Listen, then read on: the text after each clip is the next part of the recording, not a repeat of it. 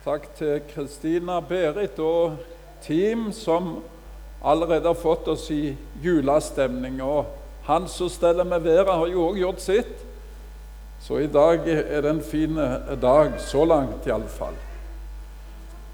Her i Salem så prøver vi å fylle eh, tekstene som er satt opp for Den norske kirka som prekentekster. Og i dag eh, vil vi se på den teksten som er fra Det gamle testamentet. Det er fra Jesaja kapittel 12. Før vi leser den, så skal vi be sammen. La oss be. Kjære Jesus, takk for det som samler oss i dag. Takk for eh, at du kom til vår jord, og at vi på nytt skal minnes det. Og vi skal minnes grunnen til at du kom. Så elska Gud verden at han ga sin sønn den enbårne, for at hver den som tror på han, ikke skal gå fortapt, men ha evig liv. Og så kom du som et lite barn og delte våre kår, og det vil vi takke og prise deg for, Jesus. Må du få bli stor for oss i våre hjerter og i våre liv. Vi ber om din Hellige Ånds lys for Jesus skyld. Amen. Denne boka her, Bibelen, er en merkelig bok. Jeg opplever det at eh, til mer du leser og liksom graver ned i rikdommene dens, til større blir det, og til mer spennende blir det. Det er ikke så spennende å bare stryke på overflaten, men til mer en trenger ned i dybden, til mer spennende blir det. I uh, Jesaja-boka der er det fra kapittel 7 til 12 er det ei bok som kalles Immanuelsboka. Og Jeg skal lese siste kapittel av denne boka, eller disse kapitlene. Og så skal vi bli litt i uh, de andre kapitlene for å se hva det sier oss, ikke minst om den høytiden som nærmer seg. Kapittel 12 det er alltid en overskrift over eh, kapitlene, iallfall i denne utgaven som jeg bruker. Og her står det hvordan Guds folk skal prise og takke Herren når frelsens dag er kommet. På den dag skal du si, 'Jeg takker deg, Herre, for du var vred på meg.'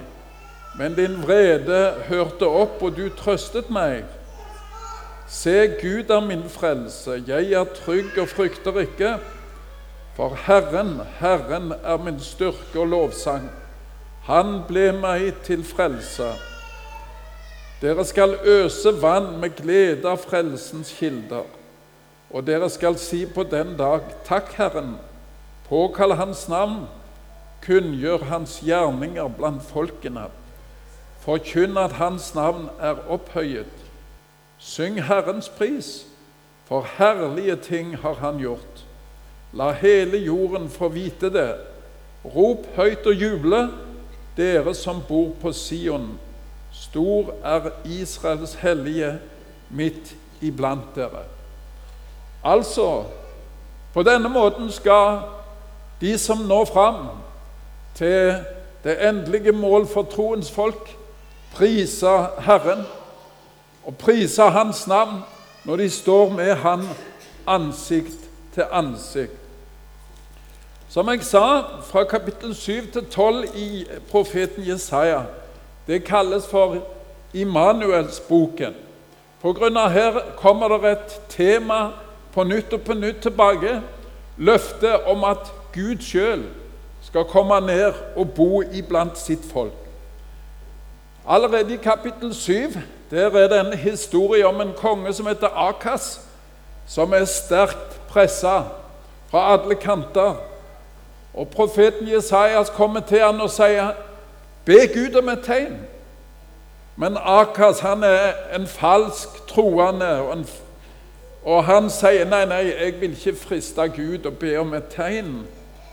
Så sier profeten, 'Ja vel, Derfor skal Herren sjøl gi dere et tegn. Se, en jomfru skal bli med barn. Hun skal føde en sønn og gi ham navnet Immanuel. Herren sjøl skal gi et tegn. Og det tegnet som han skal gi, det er at ei jomfru skal bli med barn og skal fø et, en sønn. Og realiteten i hans fødsel og i hans navn skal være Immanuel. Gud bor sammen med oss. Altså Når Gud kommer ned og vil bo iblant menneskene, så skal det skje på den måten at ei jomfru skal bli med barn og fø en sønn. Og Så blar vi om til kapittel 9 i denne Immanuel-boken. For der står det eh, fra vers 2 Det kommer ikke opp, men der står det er folk som vandrer i mørket, skal se et stort lys. Og de som sitter i dødsskyggens dal, over dem skal lyset stråle. Og så står det For et barn er oss født, en sønn er oss gitt. Altså, Gud gir en gave. Han kommer ned sjøl. Et barn er oss født, en sønn er oss gitt. Herredømmet skal være på hans skuldre, og hans navn skal kalles under, rådgiver, veldig Gud, evig Far, fredsfyrste. Så skal herredommen bli stort, og freden bli uten ende over Davids trone, over hans kongerike.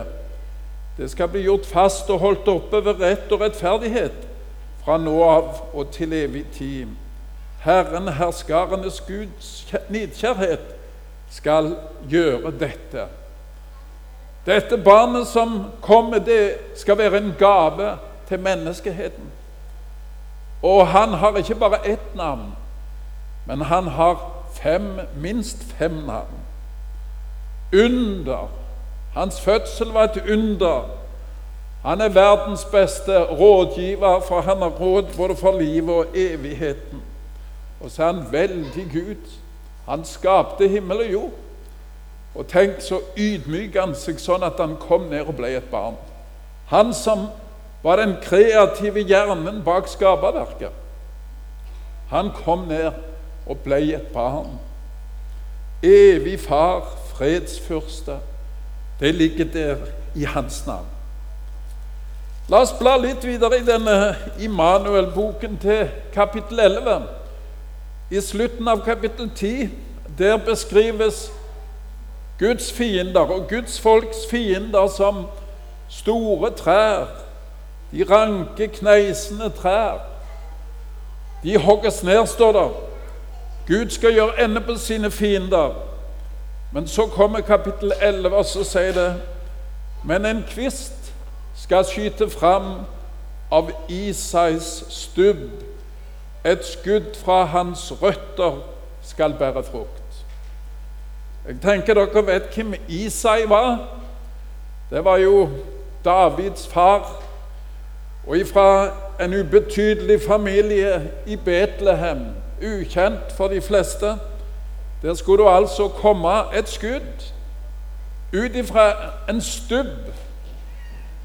Og denne stubben, denne kvisten, Herrens ånd skal hvile over ham, visdom og forstandsånd, råds- og styrkesånd, den ånd som gir kunnskap om Herren og frykt for ham. Gud skal komme, og han skal være en kvist fra Isais stubb, fra Isais familie. Og så står det i vers 10 at på den tid skal hedningefolkene søke til Isais rotskudd, som står som et banner for folkeslag, og hans bolig skal være herlighet. Og det, denne forsamling er oppfyllelsen av det ord. At hedningefolkene skal søke til Isais rotskudd. Hvem var denne Isais rotskudd? Jo, det var Jesus Kristus. Og hvem var hedningefolkene? Jo, det var de som ikke var israelsfolk, bl.a. det norske folk var blant hedningefolkene. Og her er vi samla om Isaks rotskudd, om han som skulle komme. Og resten i dette kapittelet 11 beskriver at han skal samle Israel, og han skal samle sine inn til et herlig og et fantastisk rike. Og Så kommer altså kapittel 12. Da har han samla sine folk. Da har han samla de troende, og de bryter ut i takkesang. Jeg takker deg, Herre, for du var vred på meg. Takk for den tok du ga meg, Herre. Men din vrede hørte opp, og du trøstet meg. Og hvorfor hørte Herrens vrede opp? Jo, fordi at det var en som kom inn og tok vreden. Vreden ble lagt over på en annen. Og Ellers i Gamle testamentet så kan vi lese om en som ble kalt for syndebukken.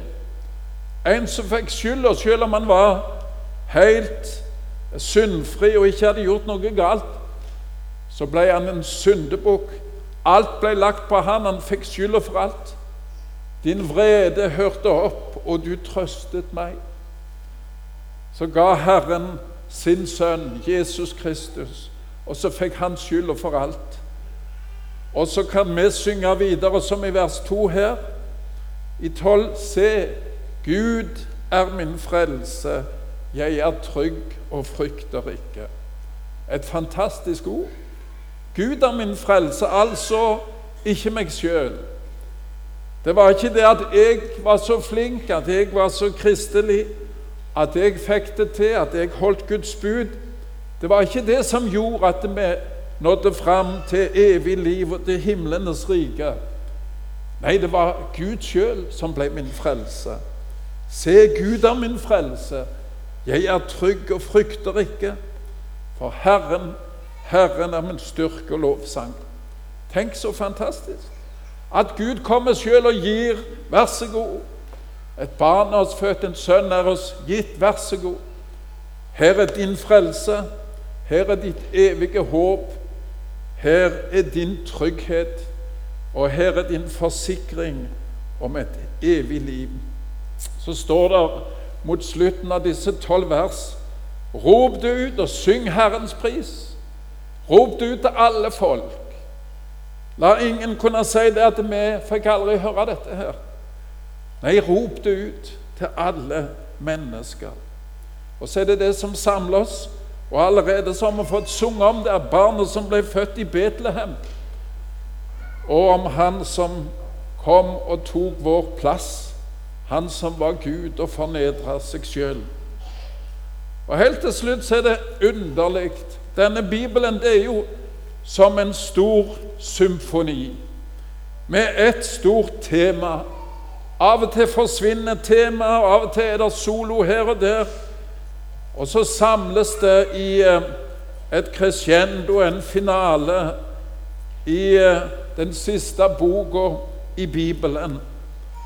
Og denne lovsangen som Guds folk skal synge, den er ikke enestående. Nei, det står i Åpenbaringen 15 at eh, de som har vunnet fram til himmelen, de skal synge Moses sang og lammets sang. Når Israel hadde gått gjennom Det røde hav, og havet sto som en vegg på hver side, og fiendeherren drukna der i havet, så sang Miriam og Moses lammets pris. De sang Guds pris. Og så er det den samme sang som skal synges i himmelen. De synger Guds tjener Moses sang og lammets sang. Store og underfulle er dine gjerninger, Herre, Gud, du allmektige. Rettferdige og sanne er dine veier, du folkenes konge. Av og til er det godt å bare dvele med hva Gud har gjort, og se bort ifra oss sjøl og Fryd oss over at Herren kom, og at Han har gitt oss alt som trengs for himmel og jord, og et levende håp. Amen.